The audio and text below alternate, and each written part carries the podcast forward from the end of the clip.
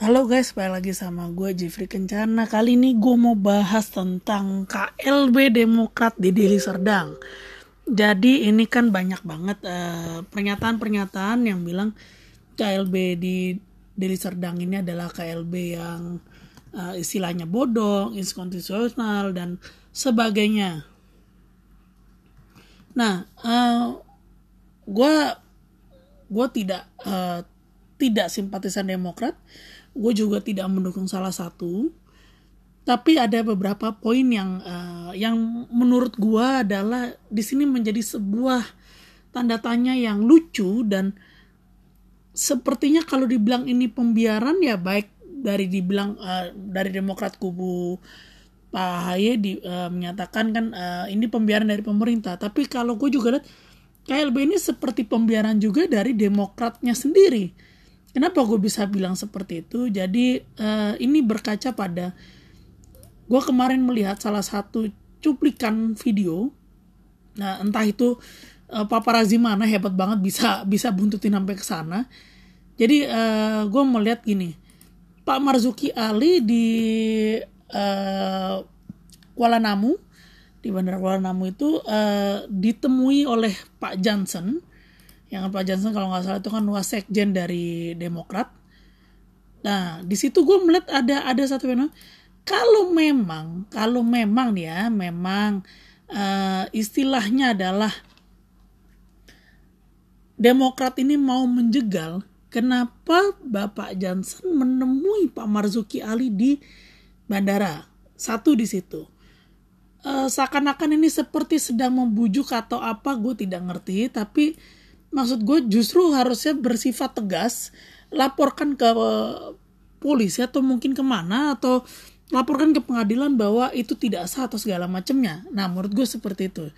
Justru ketika menemui Pak Marzuki Ali di sana dan ini seperti eh, sedang mendiskusikan sesuatu atau berdebat sesuatu, jadi terkesan melihat bahwa memang KLB ini sangat ditakuti oleh kubu Demokrat uh, dari Pak Ahaye gitu. Sedangkan menurut gue sendiri kalau mengacu pada ADART yang dibuat uh, katanya di Kongres tahun lalu 2020 sebenarnya kan mereka harusnya pede aja bahwa KLB ini tidak bisa terlaksana gitu kan. Jadi uh, di sini gue gue melihat bahwa ada satu fenomena yang perlu di, diperhatikan dengan jelas.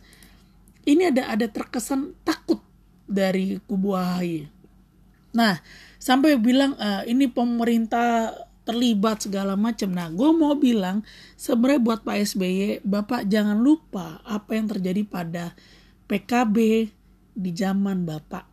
Pada saat itu PKB versi Gus Dur Bapak tempurkan dengan PKB Caimin dan Bapak mendukung Caimin pada saat itu. Itu sangat jelas. Sehingga Bapak melakukan pembiaran sehingga pada akhirnya PKB Caimin lah yang menang. Berikutnya kita lanjut lagi ada pada pemilihan ketua umum Partai Golkar. Pada saat itu uh, di publik sudah sangat tahu ada dua calon kuat yaitu Pak Abu Rizal Bakri dan Bapak Surya Paloh. Entah bagaimana ceritanya isu beredar sangat banyak sekali. Uh, yang intinya kalau saya bisa bilang intinya adalah cukup menyinggung Pak SBY terlibat dalam kemenangan Pak Abu Rizal Bakri. Nah, di sini kan juga jadi pertanyaan karena memang pada saat itu secara uh, secara tidak lama dari semenjak pemilihan itu yang dimenang oleh Berizal Pak Surya Paloh mundur dari Golkar dan membentuk Nasdem. Ini sebuah pertanyaan juga yang sangat harus di dipikirkan oleh Pak SB sendiri. Apakah benar Bapak tidak terlibat dan tentang invisible hand di Partai Golkar itu ada dari zaman Bapak jadi kalau Bapak bilang pemerintah terlibat dan Bapak tidak pernah melakukan, saya secara pribadi yang sudah mulai mengikuti politik pada era-era itu, walaupun saya masih sangat muda, saya bertanya, benarkah Bapak tidak terlibat? Nah, lalu kembali, uh, pemerintah pun lewat uh, Menko Polhukam, tadi uh, gue baca beritanya sore, sore ke malam, itu Pak Mahfud sudah menyatakan bahwa Pak sampai dengan saat ini, pemerintah masih mengakui Demokrat yang diketuai oleh AHY adalah yang sah. Kenapa begitu?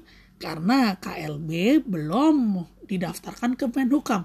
Dan Pak Mahfud juga sudah menyatakan bahwa bila nanti mereka mendaftarkan akan diperiksa secara benar, secara teliti apakah KLB tersebut sudah terselenggara berdasarkan ADART, berdasarkan aturan-aturan dan kajian-kajian yang berlaku di Menukam. Jadi sebenarnya menurut gua Pak Ahy tidak perlu terlalu ketar-ketir kalau memang Bapak merasa itu adalah ilegal, itu inkonstitusional dan um, tidak memenuhi ADART gitu loh menurut gua ya menurut saya nih. Lalu uh, balik ke sosok yang dimenangkan di KLB yaitu Bapak Muldoko. Secara pribadi saya sangat kecewa dengan Pak Muldoko kenapa saya kecewa? Entah ini nanti tuduhannya adalah direstui oleh Pak Jokowi atau direstui oleh uh, pemerintah atau tidak. Harusnya Pak Muldoko sadar bahwa posisinya sebagai kepala staf presiden itu adalah posisi yang bisa menyeret nama presiden apa pun tindakan yang dilakukan. Jadi menurut gue uh, Pak Muldoko sangat-sangat kebablasan, bukan kebablasan sih, sangat-sangat tidak berhati-hati langkahnya. Dan kalau kemarin ada statement mengatakan bahwa cara bermainnya terlalu kotor ya gue sebagai pribadi yang melihat ya memang ini secara istilahnya secara terang-terangan perang ini secara terang-terangan gitu. Dan gue sangat menyayangkan sih kenapa seorang Pak Muldoko harus melakukan hal seperti itu. Ini ini jujur gue gue sangat menyayangkan sekali. Dan menurut gue akan akan lebih baik atau elok Pak Muldoko secara kesatria kalau memang Bapak mau menjadi ketua umum Demokrat yang sedang kisru ini Bapak mundur dulu dari KSP atau melakukan nonaktif atau cuti atau apa pun itu supaya apa pun yang Bapak lakukan tidak lagi membawa Pak Jokowi ke dalam pusaran ini. Karena Pak Jokowi ini sudah sangat uh, sibuk sekali mengatasi pandemi di Indonesia gitu. Jadi uh, dari gue pribadi tolonglah Pak Muldoko kalau Bapak memang uh, mencintai Pak Jokowi, ingin mensupport Pak Jokowi, dan Bapak juga masih ingin mengejar cita-cita Bapak menjadi ketua umum Demokrat ini, tinggalkanlah KSP atau Bapak paling tidak menonaktifkan diri dari sana supaya Pak Jokowi tidak terseret. Nah, dari dari dari gue sendiri juga bukan mengimbau sih, maksudnya lebih kayak Pak Jokowi tolong tindaklah Pak Muldoko apa pun itu. Karena kisru ini uh, tidak baik juga ke depannya gitu. Dan ingat ini uh, berhadapan dengan Pak SBY yang di mana dari kemarin gue liat di YouTube pun sudah banyak mengatakan bahwa uh, cara Pak SBY itu selalu dengan kalau mau gebuk itu tidak langsung gebuk tapi pakai orang-orang pakai siapa pakai siapa. Nah ini ini yang perlu di, diperhatikan gitu.